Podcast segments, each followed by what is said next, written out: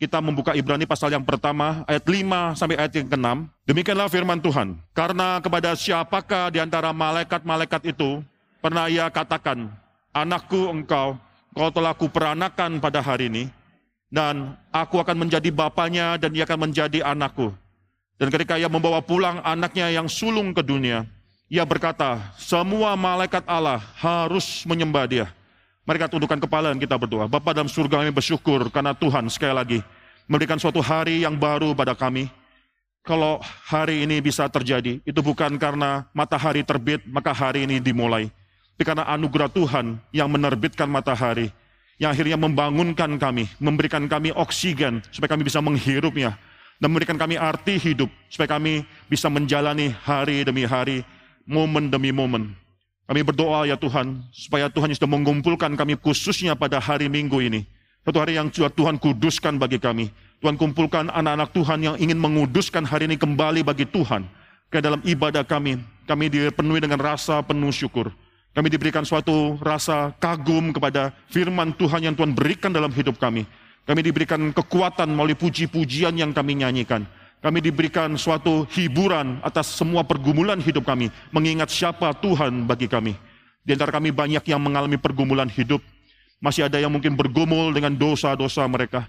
Mereka ingin hidup kudus, tapi mereka lemah dan masih bergumul dengan dosa. Mereka ingin hidup sehat, tapi mereka mengalami demikian banyak penyakit-penyakit. Mereka ingin melakukan demikian banyak hal aktivitas bagi kemuliaan Tuhan, tapi apa daya mereka harus terbaring di, di atas kursi roda, di ranjang. Oh Tuhan kami berdoa, apa pun pergumulan hidup kami, fisik, financial, ataupun mungkin pergumulan antara suami, istri, orang tua, anak, bos dan karyawan, murid, guru, siapa pun dan apa pun pergumulan tersebut. Kiranya pada hari ini Tuhan memberikan kepada kami suatu hati yang tenang, a quiet time di hadapan Tuhan, supaya apa yang Tuhan ingin kami dengarkan, kami bisa dengarkan. Apa yang Tuhan ingin kami lakukan, kami bisa lakukan. Firman Tuhan menjadi dasar bagi hidup kami ya Tuhan. Berminggu-minggu kami terus berbicara mengenai kemuliaan Kristus dan kemuliaan Kristus. Tapi jangan biarkanlah firman Tuhan itu cuma masuk dalam kuping kiri kami, keluar daripada kuping kanan kami. Akhirnya kami tidak tahu apa kemuliaan Kristus. Jangan hakimi kami semacam demikian ya Tuhan. Dibiarkanlah firman Tuhan tersebut yang sudah kami terima. Kami tanam, kami berakar di dalamnya dan kami bertumbuh dan berbuah oleh karenanya. Kami serahkan pemberitaan firman Tuhan dalam tangan Tuhan. Di mana pun anak Tuhan yang mendengarkan firman Tuhan ini, tempat ini, maupun relay, atau suatu hari mungkin melalui rekaman, ataupun membaca daripada ringkasan khotbah. Kayaknya Tuhan bekerja, roh kudus bekerja dalam hati mereka. Lebih daripada apa yang bisa kami minta daripada Tuhan. Dalam nama Tuhan Yesus, kami berdoa, kami berharap. Amin. Soal kita sudah banyak bicara mengenai kesupremasi daripada Kristus. Saya mau ingatkan lagi daripada struktur daripada Ibrani pasal yang pertama ayat yang kelima sampai ayat yang ke-13 ini. Saya melihat di sini ada tujuh kalimat, tujuh kutipan daripada perjanjian lama yang berbicara mengenai supremasi daripada Kristus ini. Kalau ayat yang kedua, ketiga itu bicara mengenai tujuh hal mengenai supremasi Kristus. Sekarang ada tujuh ayat tujuh statement mengenai supremasi Kristus yang diambil daripada perjanjian lama, dikutip dari perjanjian lama. Tapi dalam tujuh statement tersebut, saudara, penulis Ibrani juga membagi dalam tiga bagian besar yang dimulai dengan suatu section yang berbeda-beda, dimulai dengan suatu kata Tuhan berkata. Ayat yang kelima misalnya, saudara. Kalau perhatikan ayat yang kelima. Karena kepada siapakah di antara para malaikat itu pernah ia katakan. Itu menjadi suatu section, nanti dibandingkan mengenai kemuliaan Kristus dan juga malaikat-malaikat. So bisa membaca bagian yang kedua yang besar di sini adalah ayat yang ketujuh. Yaitu dikatakan di sana dimulai satu kata dan tentang malaikat-malaikat ia berkata. Nah itu saudara mulai satu section yang baru lagi. Ayat ke-7 sampai ayat ke-12 itu section yang kedua saudara. Ayat yang ke-13. Dan kepada siapakah di antara malaikat-malaikat itu pernah ia berkata. Saudara ini tiga section besar dengan tujuh statement di dalamnya mengenai supremasi Kristus. Kita sekarang sudah masuk section yang pertama ini, saudara. Ayat yang kelima, yang keenam. Dan minggu lalu dan sudah lama sekali kita berbicara mengenai supremasi-supremasi Kristus. Kristus, bila kita benar-benar tahu mengenai siapa dia. Bila pengenalan kita benar atas dia. Doktrin kita beres atas dia. Maka tidak mungkin, tidak menghasilkan suatu worship, ibadah, penyembahan terhadap diri Kristus ini. Oleh karena itu ayat 6 itu demikian penting. Karena setelah Kristus tahu nama yang demikian besar yang Tuhan berikan, Allah Bapa berikan kepada anaknya. Tidak mungkin tidak menghasilkan semua malaikat harus tunduk dan harus menyembah dia. Saya tidak mengatakan saudara ini adalah pertama kali malaikat menyembah dia. Tidak. Tapi fakta bahwa dia adalah anak Allah. Itulah suatu fakta di mana malaikat pun seorang harus tunduk dan menyembah kepada dia. Saudara. So, dalam Ibrani pasal 1 ayat 6 tersebut, Ketika ia membawa pula anaknya yang sulung ke dunia, ia berkata, semua malaikat Allah harus menyembah dia. All the God's angels must worship him. Di sini ada dua hal yang penting yang kita bisa garis bawahi. Yang pertama, saudara, yang menyembah adalah malaikat-malaikat. Itu hal yang pertama yang penting sekali yang kita harus bawa. Yang menyembah adalah para malaikat tersebut. Saudara, malaikat bukanlah suatu makhluk yang biasa. Dia memang hanya ciptaan, saudara. Tapi fakta bahwa dia diciptakan bukan menjadikan bahwa malaikat adalah suatu makhluk yang ciptaan biasa saja. Saudara, kalau saudara melihat ayat yang ketujuh, maka malaikat tersebut diciptakan untuk melayani Tuhan.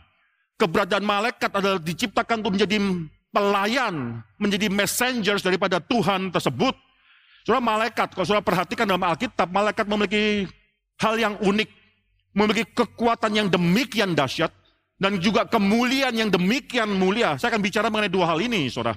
Dalam minggu ke depan yang akan berikutnya, saudara, kita akan terus bicara mengenai malaikat dan Kristus. Kita akan bicara lebih dalam lagi mengenai malaikat, tapi hari ini saya akan bicara mengenai dua hal ini, mengenai kekuatan dahsyatnya malaikat tersebut, dan juga kemuliaan daripada malaikat. Saudara, Alkitab Perjanjian Lama pernah mencatat satu kisah di mana satu malaikat satu malaikat akhirnya dalam satu malam membunuh 185 ribu tentara Asyur, saudara. Habis semua tentara Asyur tersebut oleh karena hanya satu malaikat. Saudara, ini menunjukkan kedahsyatan daripada para malaikat tersebut. Saudara bisa membayangkan ketika Yesus disalibkan, itu yang dibawa itu cuma berapa tentara saja, saudara. Itu kalau satu malaikat memang Tuhan perintahkan untuk habiskan mereka, kalau Allah Bapa perintahkan untuk menghabiskan mereka, dengan gampangnya mereka semua akan mati. Satu malaikat menghancurkan, menghabiskan, membunuh 185 ribu tentara Asyur hanya dalam satu malam. Berapa dahsyatnya malaikat ini, saudara. Kalau saudara mengerti ini, saudara mengerti salib Kristus, saudara bisa mengerti begitu besar kasih Allah kepada Anda dan saya. Dia bisa saya suruh cuma satu malaikat saja menghabiskan semua orang yang dibawa, tapi dia tahan Anak Allah bisa saja minta Allah Bapa turunkan malaikat sekarang untuk habiskan semua yang melawan Tuhan. Tapi dia terus tahan. Dia tidak menganggap kesetaraannya dengan Tuhan sebagai sesuatu yang harus diperjuangkan. Dia terus menahan tersebut sampai dia mati menggenapkan rencana Allah Bapa atas dirinya. Saudara. Malaikat beli suatu kekuatan yang luar biasa. Dan bukan cuma itu saja, punya kemuliaan yang tidak biasa pula. Saudara malaikat adalah pesuruh Allah. Dia datang dari Allah dia datang untuk menjalankan kehendak Allah. Saudara, the reason, alasan mengapa malaikat itu mulia bukan karena dia itu spiritual being, bukan. Sekali lagi saudara, jangan kita memiliki konsep angels yang salah. Kita menganggap malaikat itu mulia karena dia adalah true spiritual being. Kalau kita ada tubuh, maka kita tidak mulia. Tubuh ini tidak menjadikan kita tidak mulia. Kita diciptakan mulia dengan tubuh. Malaikat diciptakan mulia juga dengan tanpa tubuh. Tapi yang membuat malaikat mulia bukan karena dia spiritual being. Mengapa saya katakan demikian? Karena setan pun juga spiritual being. Tapi dia tidak pernah mulia. Yang buat akhirnya kita melihat ada kemuliaan malaikat adalah karena dia diciptakan untuk melayani Tuhan. Relasi dia terhadap Tuhan. Apa yang dia lakukan bagi Tuhan, itu yang membuat dia mulia. Spiritual being ketika seperti setan melawan Tuhan, tidak ada kemuliaan apa pun yang dia bisa dapatkan, walaupun dia adalah spiritual being juga. Maka di sini, saudara, malaikat adalah seorang atau yang diciptakan untuk menjalankan kehendak Tuhan. Dia benar-benar ingin memuliakan Tuhan. Relasinya dia adalah malaikatnya Tuhan, bukan cuma malaikat saja, tapi malaikat daripada Tuhan. Ayat yang keenam, let all God's angel, malaikat daripada Allah, itu menunjukkan relasi siapa diri mereka. Itu yang membuat malaikat akhirnya bisa mulia, the glory daripada malaikat tersebut. Bukan dari apa dan siapa diri mereka, tapi relasi apa yang dia miliki dengan Allah. Demikian juga dengan hidup kita, saudara hidup kita, saudara mau mencari kemuliaan dari mana? Apa yang ditawarkan oleh dunia bagi kita semua, kemuliaan-kemuliaan dunia tersebut? Apakah saudara mengejar kemuliaan dunia supaya saudara dianggap mulia oleh orang dunia? Tapi berbeda dengan orang Kristen, saudara. Orang Kristen adalah orang yang mulia. Bukan karena kita adalah orang yang mulia, bukan. Tapi karena relasi kita pada Allah yang mulia tersebut. Maka di sini saudara kita bisa menghormati. Kalau kita cuma hormat orang yang kaya, yang bertitle, itu terlalu rendah. Tapi hormat orang yang berjuang akhirnya melayani Tuhan. Yang berjuang sulit, tidak sulit, dalam waktu yang paling sulit sekalipun masih mau terus setia kepada Tuhan. Orang macam demikian punya karakter melayani Tuhan. Kita menghormatinya. Tidak semua hamba Tuhan bisa dihormati, saudara. Tidak semua hamba Tuhan worthy of the name of the calling. Tidak semua hamba Tuhan itu akhirnya bisa mendapatkan hormat daripada umat Tuhan. Karena hamba Tuhan yang hanya melayani uang, ada hamba Tuhan yang ekor tulang kata patong, tulang punggungnya sudah melorot jadi ekor, kibas-kibas di belakang. Itu istilah daripada pendeta Stephen Tong sangat menarik sekali.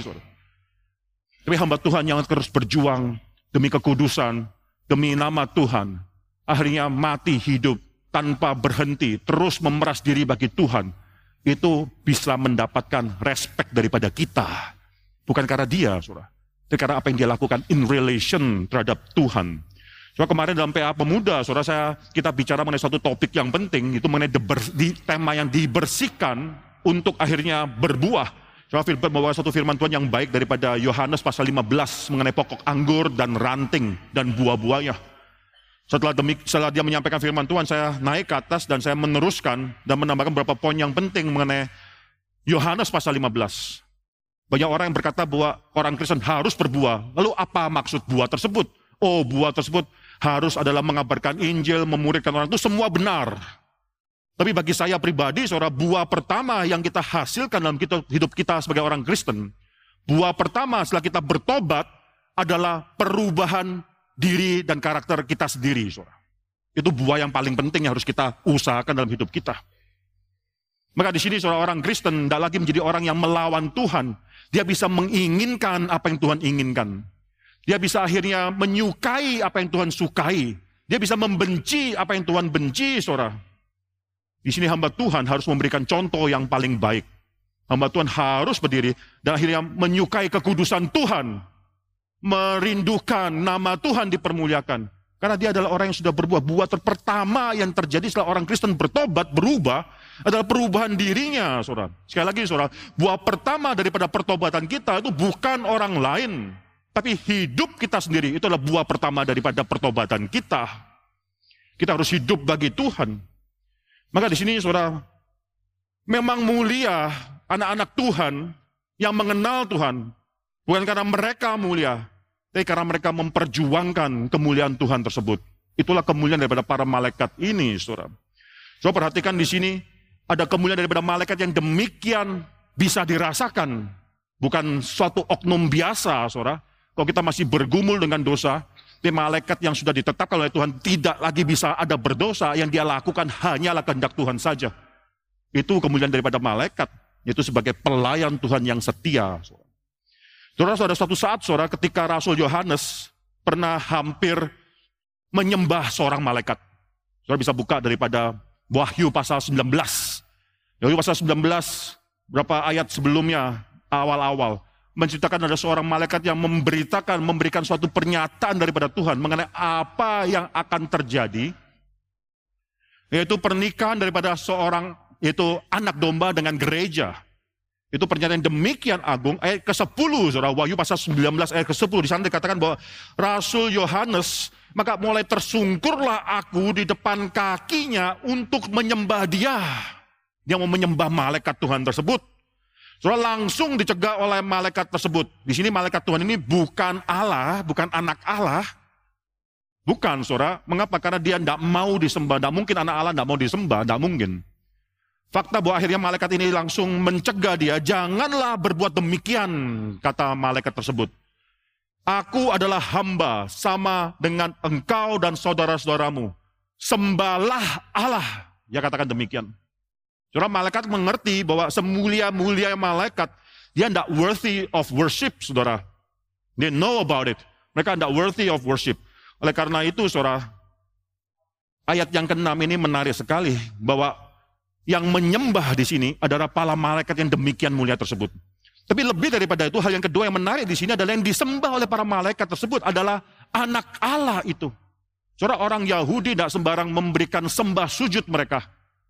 Mereka memiliki satu konsep bahwa hanya Allah yang bisa disebut. Bagi mereka waktu melihat bahwa para malaikat yang demikian mulia juga menyembah si anak Allah tersebut. Maka mereka harus bertanya siapa anak Allah ini? Mengapa demikian begitu besar anak Allah ini sehingga mereka bahkan malaikat pun memberikan sembah kepada dia. Saudara ada banyak teori mengenai kejatuhan daripada Lucifer, akhirnya menjadi setan.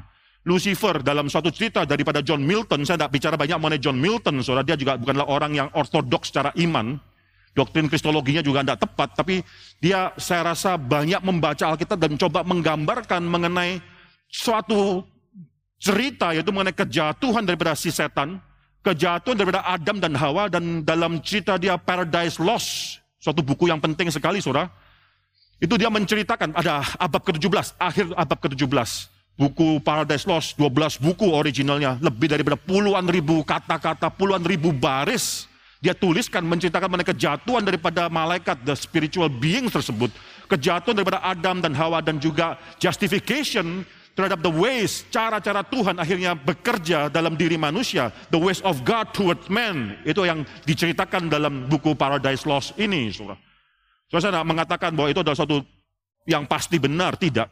Tapi dalam cerita di sana, salah satu alasan malaikat jatuh daripada, yaitu malaikat si Lucifer ini. Jatuh daripada kemuliaan yang demikian mulia.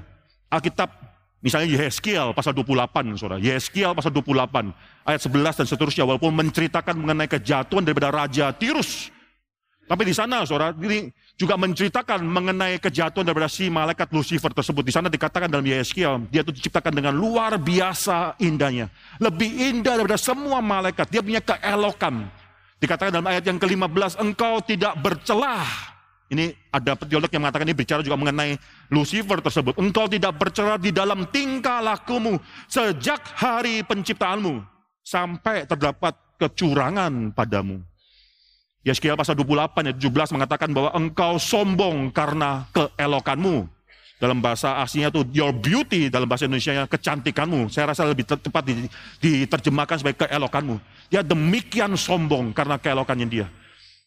Saudara Lucifer sebagai archangel, salah satu daripada archangel dan mungkin yang paling utama daripada semua archangel tersebut. Waktu dia, saya bisa bayangkan, kita bisa bayangkan di surga, saudara, di hadapan semua malaikat, ketika semua malaikat menyembah Tuhan, saya rasa semua archangel itu paling dekat dengan takhta Tuhan. Paling depan, lalu menghadap kepada Tuhan. Lalu semua malaikat di belakangnya, semua juga sama-sama menyembah Tuhan. Pada saat itu saudara ketika mereka menyembah sama-sama menyembah, mungkin saudara, mungkin, ada mungkin ya. Archangel ini, Lucifer merasa bahwa kecipratan berkat sembahan tersebut, saudara. Semua menyembah ke arah Tuhan, tapi juga ke arah, semua menyembah ke arah dia juga. Itu rasa pride-nya dia dan lain sebagainya, saudara. Di sini saudara hati-hati para pelayan Tuhan. Semakin banyak melayani di mimbar, semakin kita tergoda untuk mencuri kemuliaan Tuhan.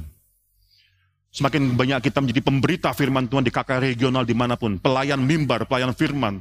Semakin dekat dalam takhta Tuhan, dalam suatu ibadah. Semakin kita akan tergoda oleh mencuri kemuliaan Tuhan tersebut. Archangel tersebut akhirnya dikatakan dalam buku daripada Paradise Lost. Dia akhirnya menolak untuk menyembah Tuhan, khususnya apalagi anak Allah. Dia merasa dia adalah demikian supreme.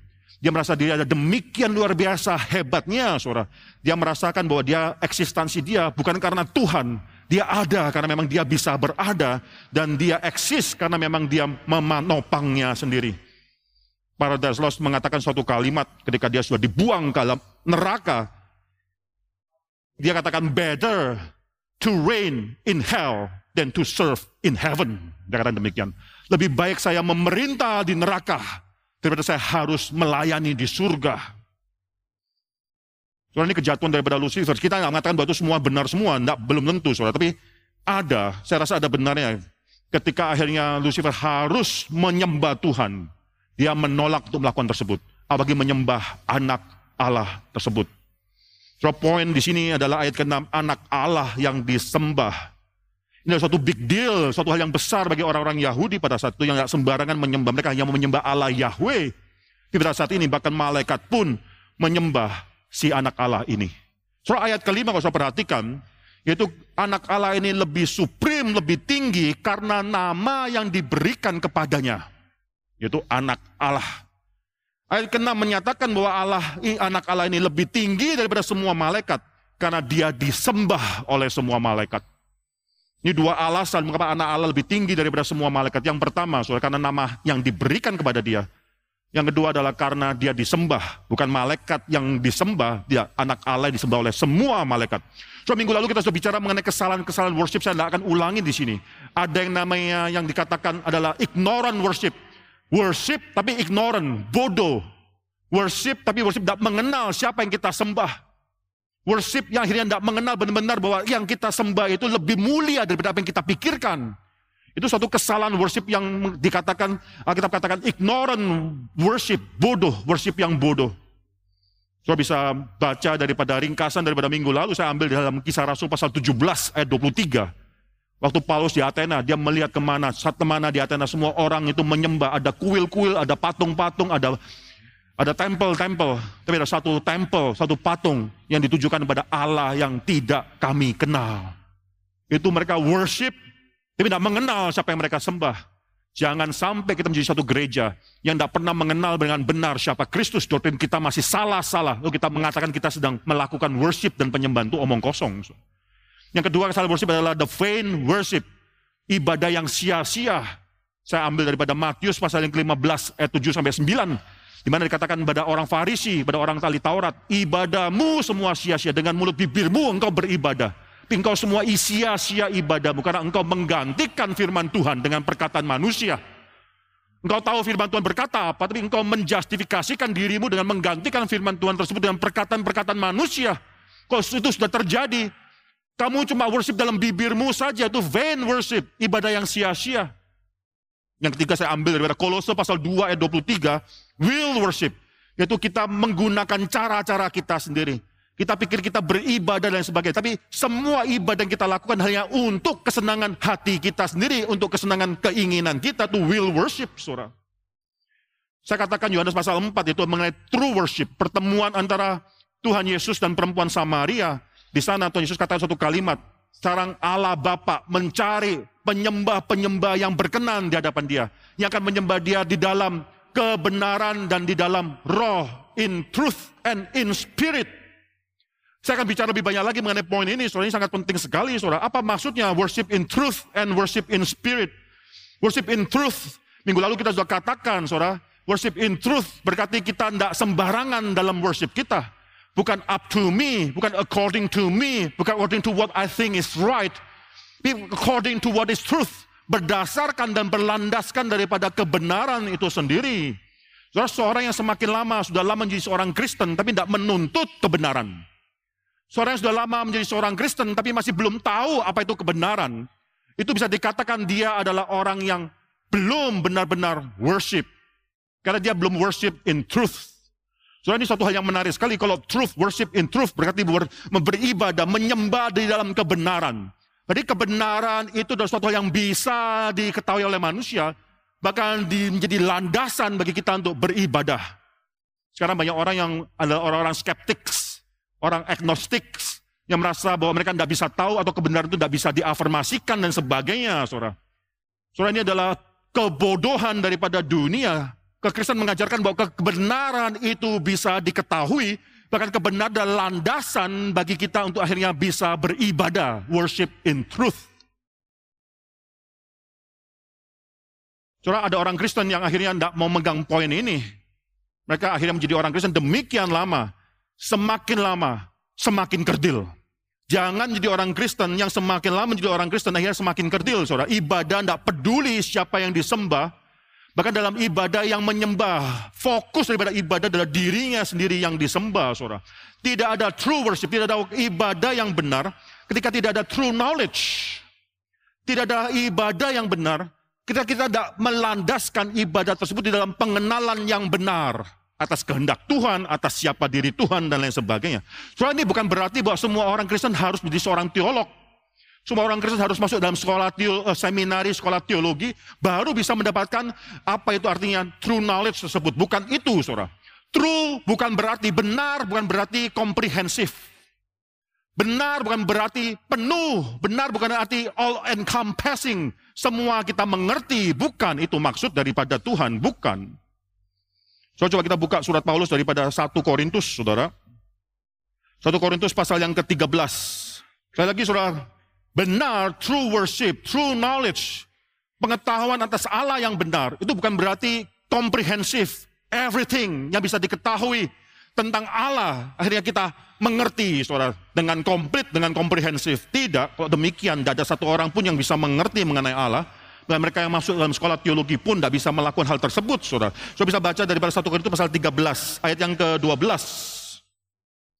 Karena sekarang kita melihat dalam cermin suatu gambaran yang samar-samar.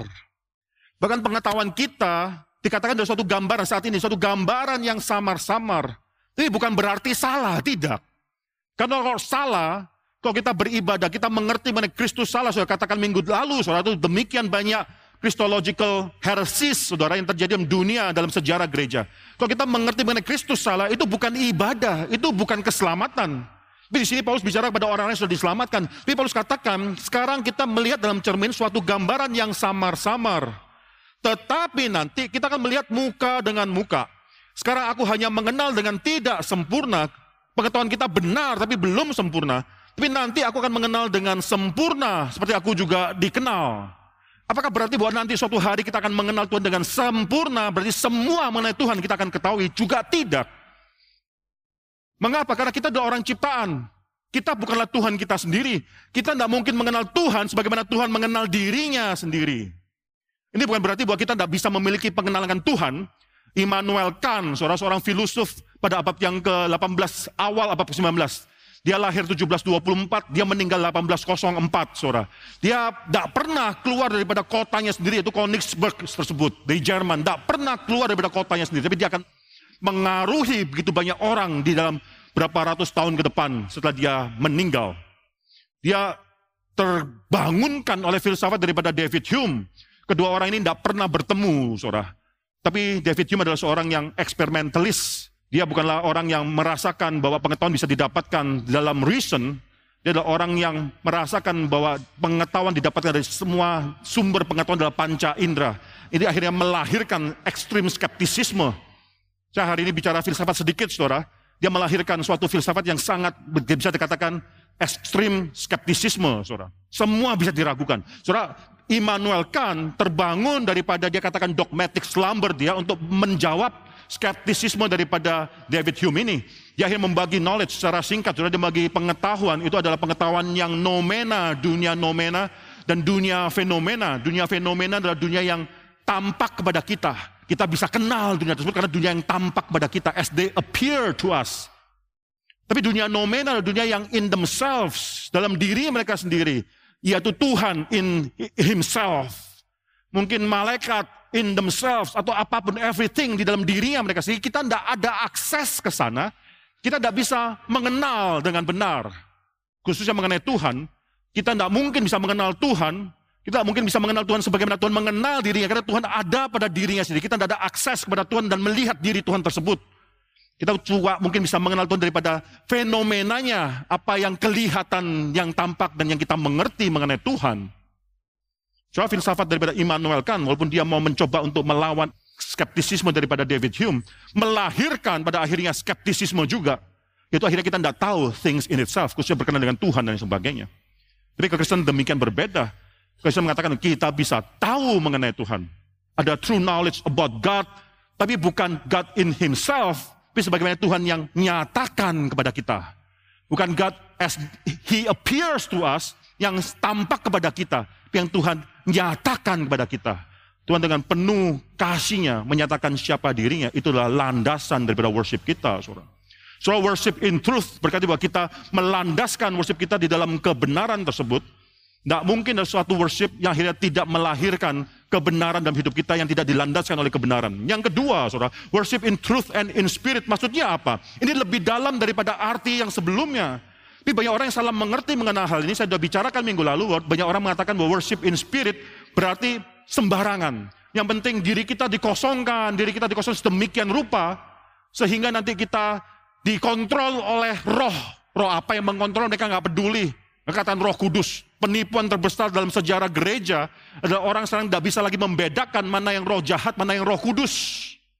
Penipuan terbesar dalam sejarah gereja, karya gereja, orang Kristen sendiri tidak bisa membedakan bahwa itu adalah roh setan, bukan roh kudus. Mereka mengosongkan dirinya, worship in spirit, sekarang roh yang mengkontrol. Ini saya rasa salah besar. Mengapa? Karena kedua hal ini tidak bisa dilepaskan. Worship in truth and worship in spirit menyembah dalam kebenaran dan di dalam roh, bukan berarti menyembah di dalam roh saja. Kebenaran dan di dalam roh, dua-duanya harus ada. Worship yang benar tidak meniadakan diri kita, saudara. Worship yang benar tidak mengosongkan diri kita sedemikian rupa sehingga kita tidak mengenal lagi diri kita, tidak menguasai diri kita sendiri. Tidak. Worship yang benar adalah worship yang membawa kita kepada kebenaran tersebut. Kalau saudara perhatikan, coba kita buka Yohanes, saudara.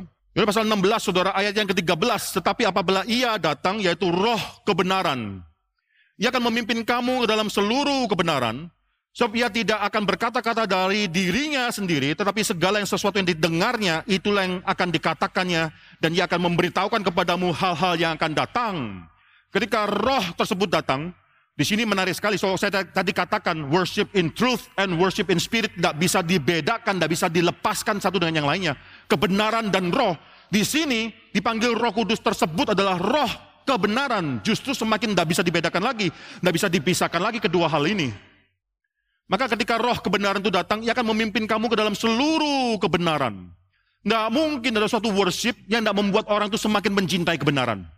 Tidak mungkin ada suatu sembah, menyembah Tuhan, yang akhirnya tidak membawa orang itu semakin melihat dan merindukan kebenaran Tuhan dinyatakan dalam hidup dia. Orang yang menyembah Tuhan, tapi tidak mengerti apa yang dia sembah.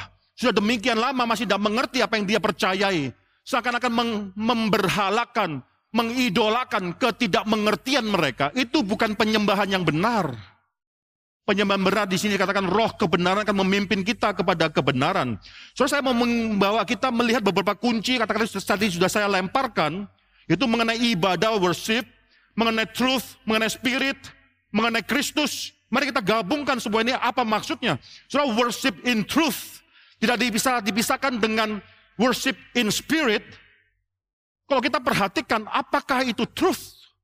Maka truth dalam orang Kristen itu bukan cuma prepositional truth, statement-statement mengenai kebenaran, logika dan sebagainya, bukan itu.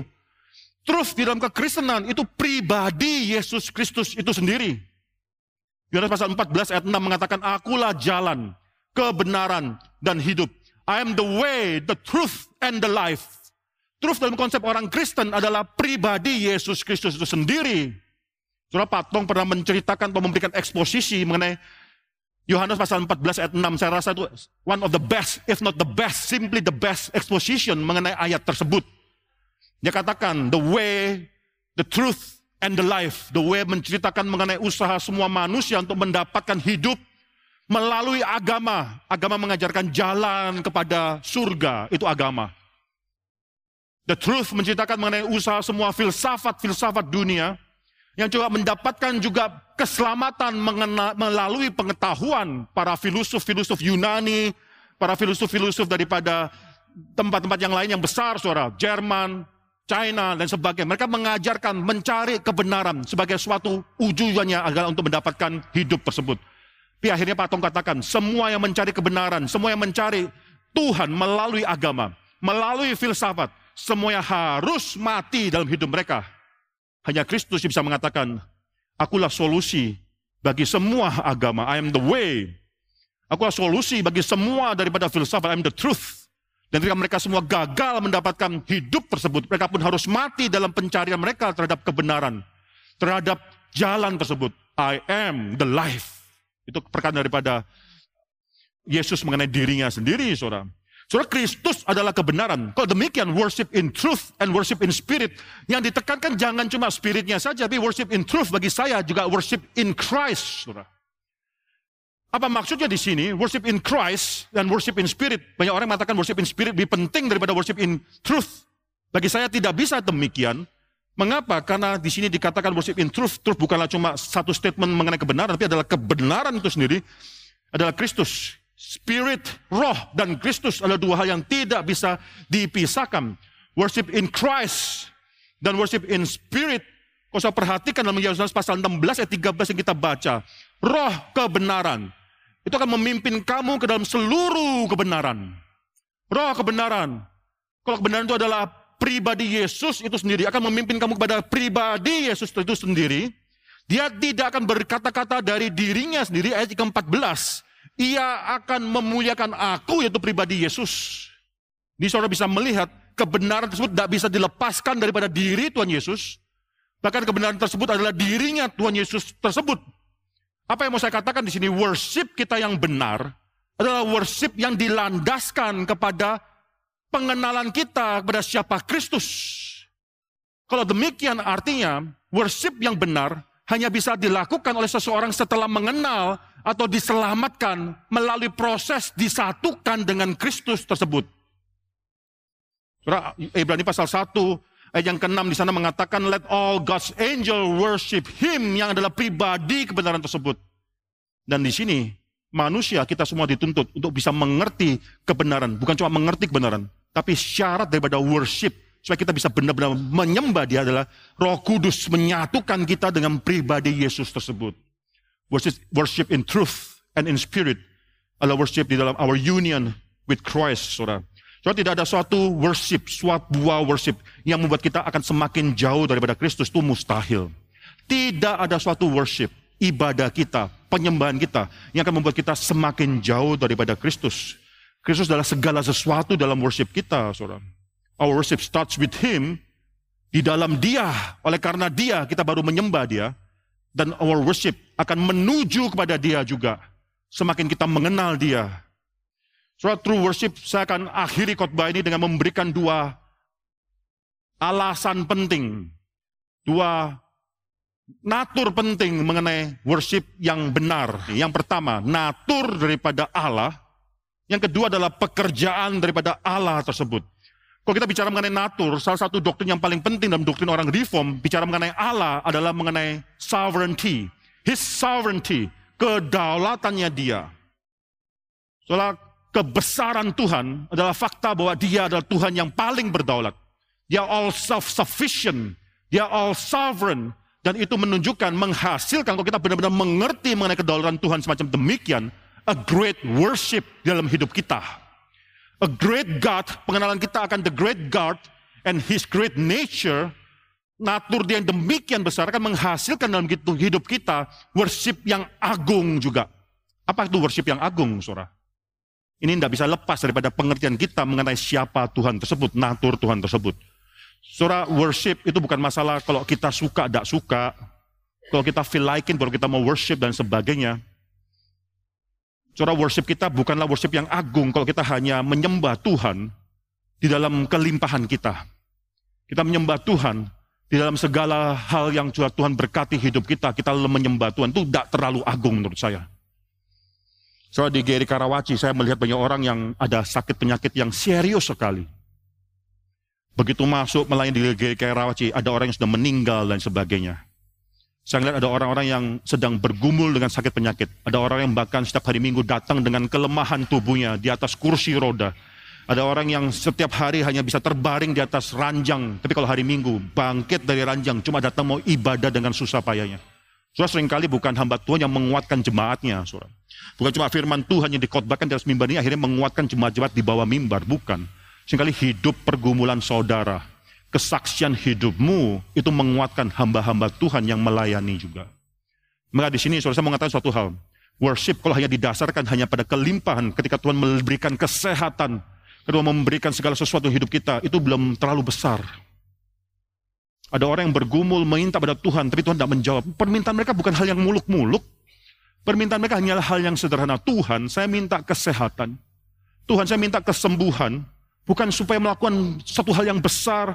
Bukan untuk mencari uang dan sebagainya supaya sehat, dapat tenaga lebih cari uang. Tidak. Saya cuma minta kesehatan supaya saya bisa menjaga keluargaku. Tapi seakan-akan Tuhan belum jawab, saudara. Tapi di sana ketekunan mereka untuk terus beribadah dalam kelemahan tubuh mereka itu menjadi kekuatan bagi banyak orang sekitar mereka. Saudara harus mengetahui satu hal, kalau kita hanya menyembah Tuhan karena kita mampu dan masih kuat menyembah Tuhan, itu belum terlalu besar. Bagaimana ketika kita bergumul? Bagaimana ketika kita demikian terpuruk dalam kondisi yang paling rendah, kita masih mau worship? Saya rasa itu indah sekali. Itu akan menjadi kesaksian hidup yang besar sekali. Dan orang yang bisa melakukan demikian, karena mereka tahu satu hal, itu mengenal siapa Tuhan. Dia tahu natur Tuhan. He is all sovereign. Tuhan yang begitu berdaulat. Dia tidak menunggu saya sukses baru saya worship. Dia tidak menunggu ketika saya sudah hebat dan kuat baru saya menyembah dia. Dia menantikan worship saya setiap saat dalam hidup saya dan saya harus memberikan dia ibadah hidupku. Saya perhatikan saudara, Ayub Ayub adalah seorang yang kaya raya. Ayub diceritakan dalam Ayub pasal yang pertama, demikian besar kekayaan orang ini.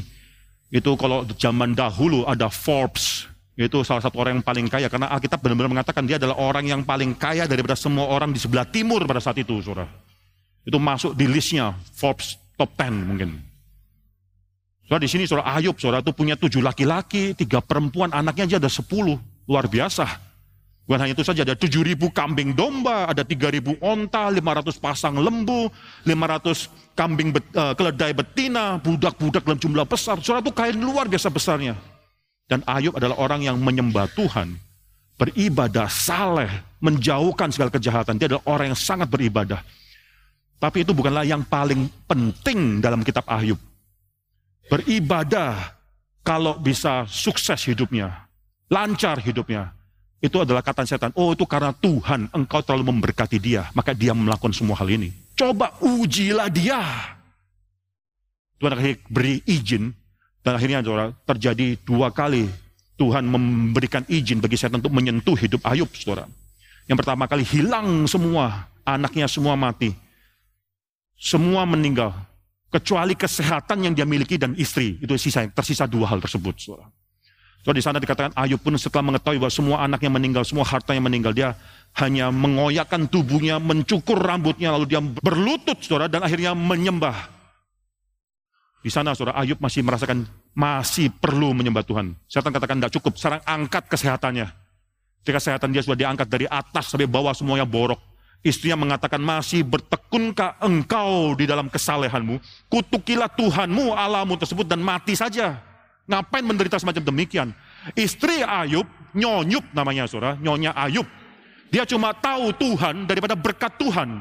Dia cuma mengenal Tuhan daripada Tuhan yang memberikan berkat. Masih maukah engkau mempertahankan kesalehanmu tersebut? Kutukilah dia dan matilah habis sudah. Di sana saudara Ayub menjawab, engkau berbicara seperti perempuan gila. Apakah kita mau menerima yang baik dari Allah tapi tidak mau menerima yang buruk. Dalam segala hal, dia melihat Tuhan, tangan Tuhan yang sovereign. Segala hal, tangan Tuhan yang akhirnya mengendalikan segala sesuatu. Kalau sesuatu terburuk, buruk terjadi dalam hidup dia. Itu pun karena seizin Tuhan. Semuanya adalah karena tangan Tuhan bekerja. Soalnya orang semacam demikian. Kalau mengenal Tuhan bekerja, dia adalah sovereign dalam segala hal, Nggak mungkin dia akhirnya worship Tuhan hanya dalam kekayaannya dia. Enggak. Di dalam segala kondisi hidupnya pun dia akan menyembah Tuhan. Maka di sini saudara mengenal mengenai the great nature of God. Mengenai dia saudara. Mengenai natur dia.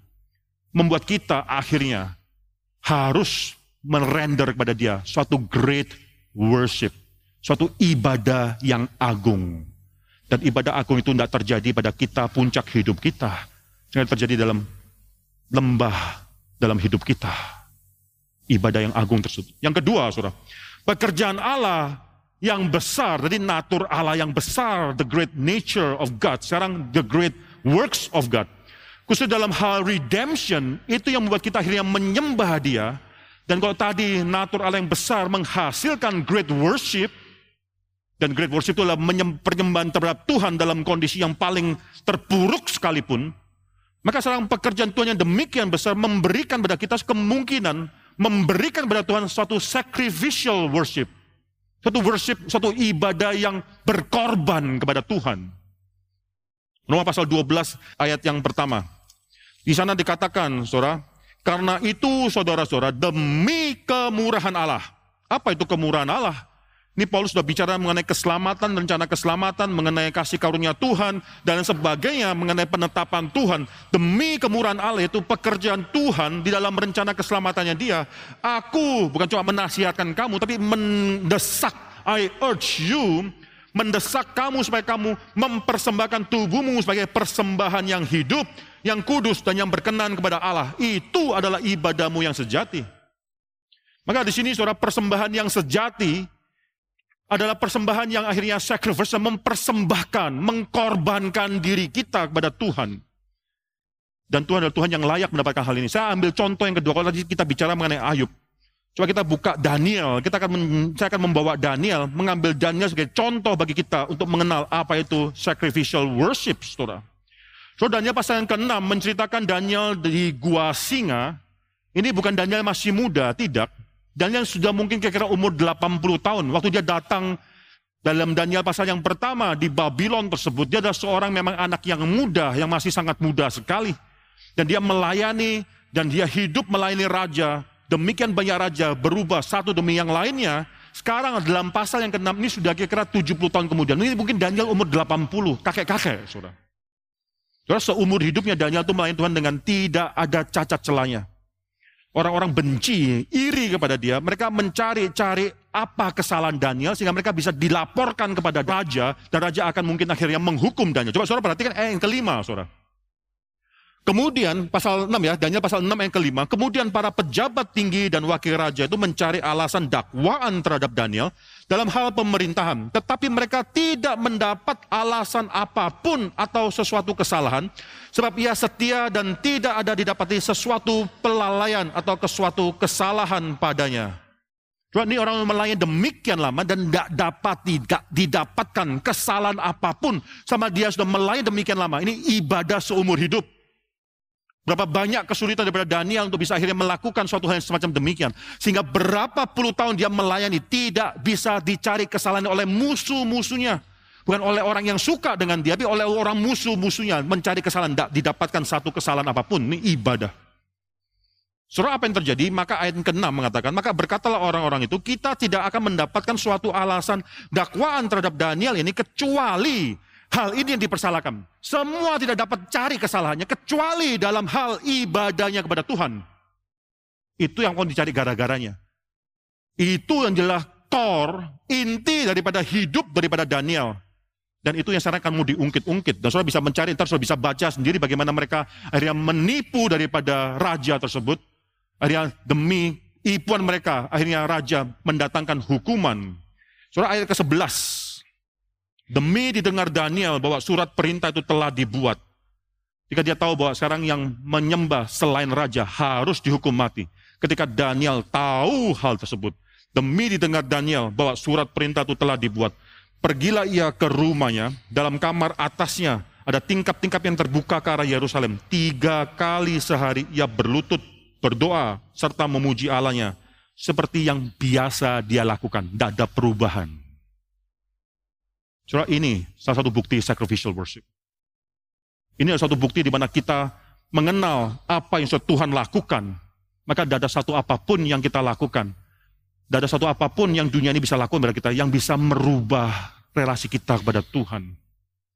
Ketika Daniel tahu bahwa sekarang hidup dia terancam oleh karena justru poin ibadah dia kepada Tuhan. Apa yang dia lakukan? Dia terus ibadah tiga kali sehari seperti apa yang biasa dilakukannya. Tidak ada perubahan. Soal hidup kita adalah hidup yang harus memuliakan Tuhan. Di sini dikatakan dalam Ibrani pasal 1 ayat 6 bahwa semua malaikat Tuhan menyembah dia. Bagaimana dengan hidup kita? Sejauh mana kita sudah mengerti arti daripada worship tersebut? Sejauh mana kita sudah benar-benar mengaminkan bahwa dia memang layak untuk menerima sembah kita? Sejauh mana dalam hidup kita benar-benar mengaminkan bahwa tidak ada satu pun dalam dunia ini yang bisa menggantikan ibadah kita kepada dia dengan hal-hal lain dalam dunia ini. Sejauh mana kita mengerti bahwa dia yang sovereign, bahwa dia yang demikian tinggi, dia yang adalah Allah itu sendiri, berhak menerima semua sembah sujud kita setiap saat. Bukan pada saat di mana kita merasa sehat. Bukan pada saat kita merasa ada waktu. Bukan pada saat kita merasa merasakan memang mau menyembah dia, tidak. But at any time in our life, kita mau menyembah dia. Mereka yang pernah mengalami kesulitan, dan lalu bisa terus menyembah Tuhan, itu hidup mereka adalah hidup yang diberkati oleh Tuhan. Mereka menjadi berkat bagi banyak orang. Tapi terlebih daripada itu, saudara, ibadah kita bukanlah ibadah yang gampang. Ibadah kita bukanlah hanya mempersembahkan sesuatu dalam hidup kita yang memang tidak ada artinya bagi kita. Sacrificial worship mengatakan bahwa segala keberadaanku, bahkan kalau perlu nyawaku pun dipertaruhkan. Tidak apa-apa, asal aku tetap menyembah Tuhan. Saudara, hidup Daniel semacam demikian, yang bisa melakukan sacrificial worship semacam demikian, itu bukan pada hari itu dia baru bertekad, tidak. Saya percaya karena seumur hidup dia sudah melatih dirinya untuk worship Tuhan. Seumur hidup dia membiasakan dirinya untuk terus melatih dirinya, memaksa dirinya untuk menyembah Tuhan dalam segala situasi. Sehingga ketika suatu cobaan besar, ujian besar datang pada dia, dia bukan pertama kali harus bergumul beribadah pada Tuhan. Demikian dengan hidup kita. Kalau Alkitab sudah katakan, Ibrani pasal 1 ayat 6, all God's angel worship Him. Bahkan yang kita rasa demikian mulia, menyembah Allah anak. Apa alasan kita dalam hidup kita masih belum menyembah dia? Kayaknya setiap daripada kita, baik itu yang percaya, yang sedang bergumul bersama dengan Tuhan, yang mungkin merasakan bahwa dia tidak worthy of your worship anymore. Pikirkan baik-baik Because he is much more superior than anything that we can think of. Dia lebih superior, lebih tinggi dari segala sesuatu yang kita bisa pikirkan dalam dunia ini. He is worthy of our worship. Mari kita tundukkan kepala kita, kita berdoa. Tuhan Rasul kami bersyukur untuk semua firman Tuhan yang sudah kami dengarkan pada pagi hari ini. Banyak hal yang masih bisa kami pelajari mengenai Tuhan. Banyak hal yang masih harus kami pelajari mengenai kebesaran daripada Allah anak tersebut. Ya Bapak hambamu berdoa supaya Tuhan terus bekerja dalam hidup setiap daripada kami. Setiap daripada kami mungkin pernah mengalami kesulitan-kesulitan hidup. Tapi Tuhan yang berbelas kasihan terus menopang kami dalam kondisi kami yang paling rendah sekalipun. You are worthy of our utmost worship. Worship yang terindah, ibadah yang terindah, tetap kami berikan kepada Tuhan. Ajar kami untuk setia. Jangan biarkan kami berkompromi dalam hidup ini, mencari kemuliaan-kemuliaan dunia, mengejar kemuliaan dunia, dan meninggalkan kemuliaan daripada Tuhan Jangan biarkan kami menggantikan ibadah kami kepada Tuhan, anak Allah tersebut, dengan suatu hal apa pun dalam dunia yang kami pikir lebih berharga daripada dia. Tapi rubahlah hidup kami menjadi hidup yang terus berarah kepada Tuhan.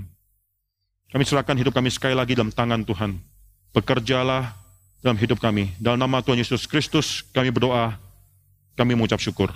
Amin.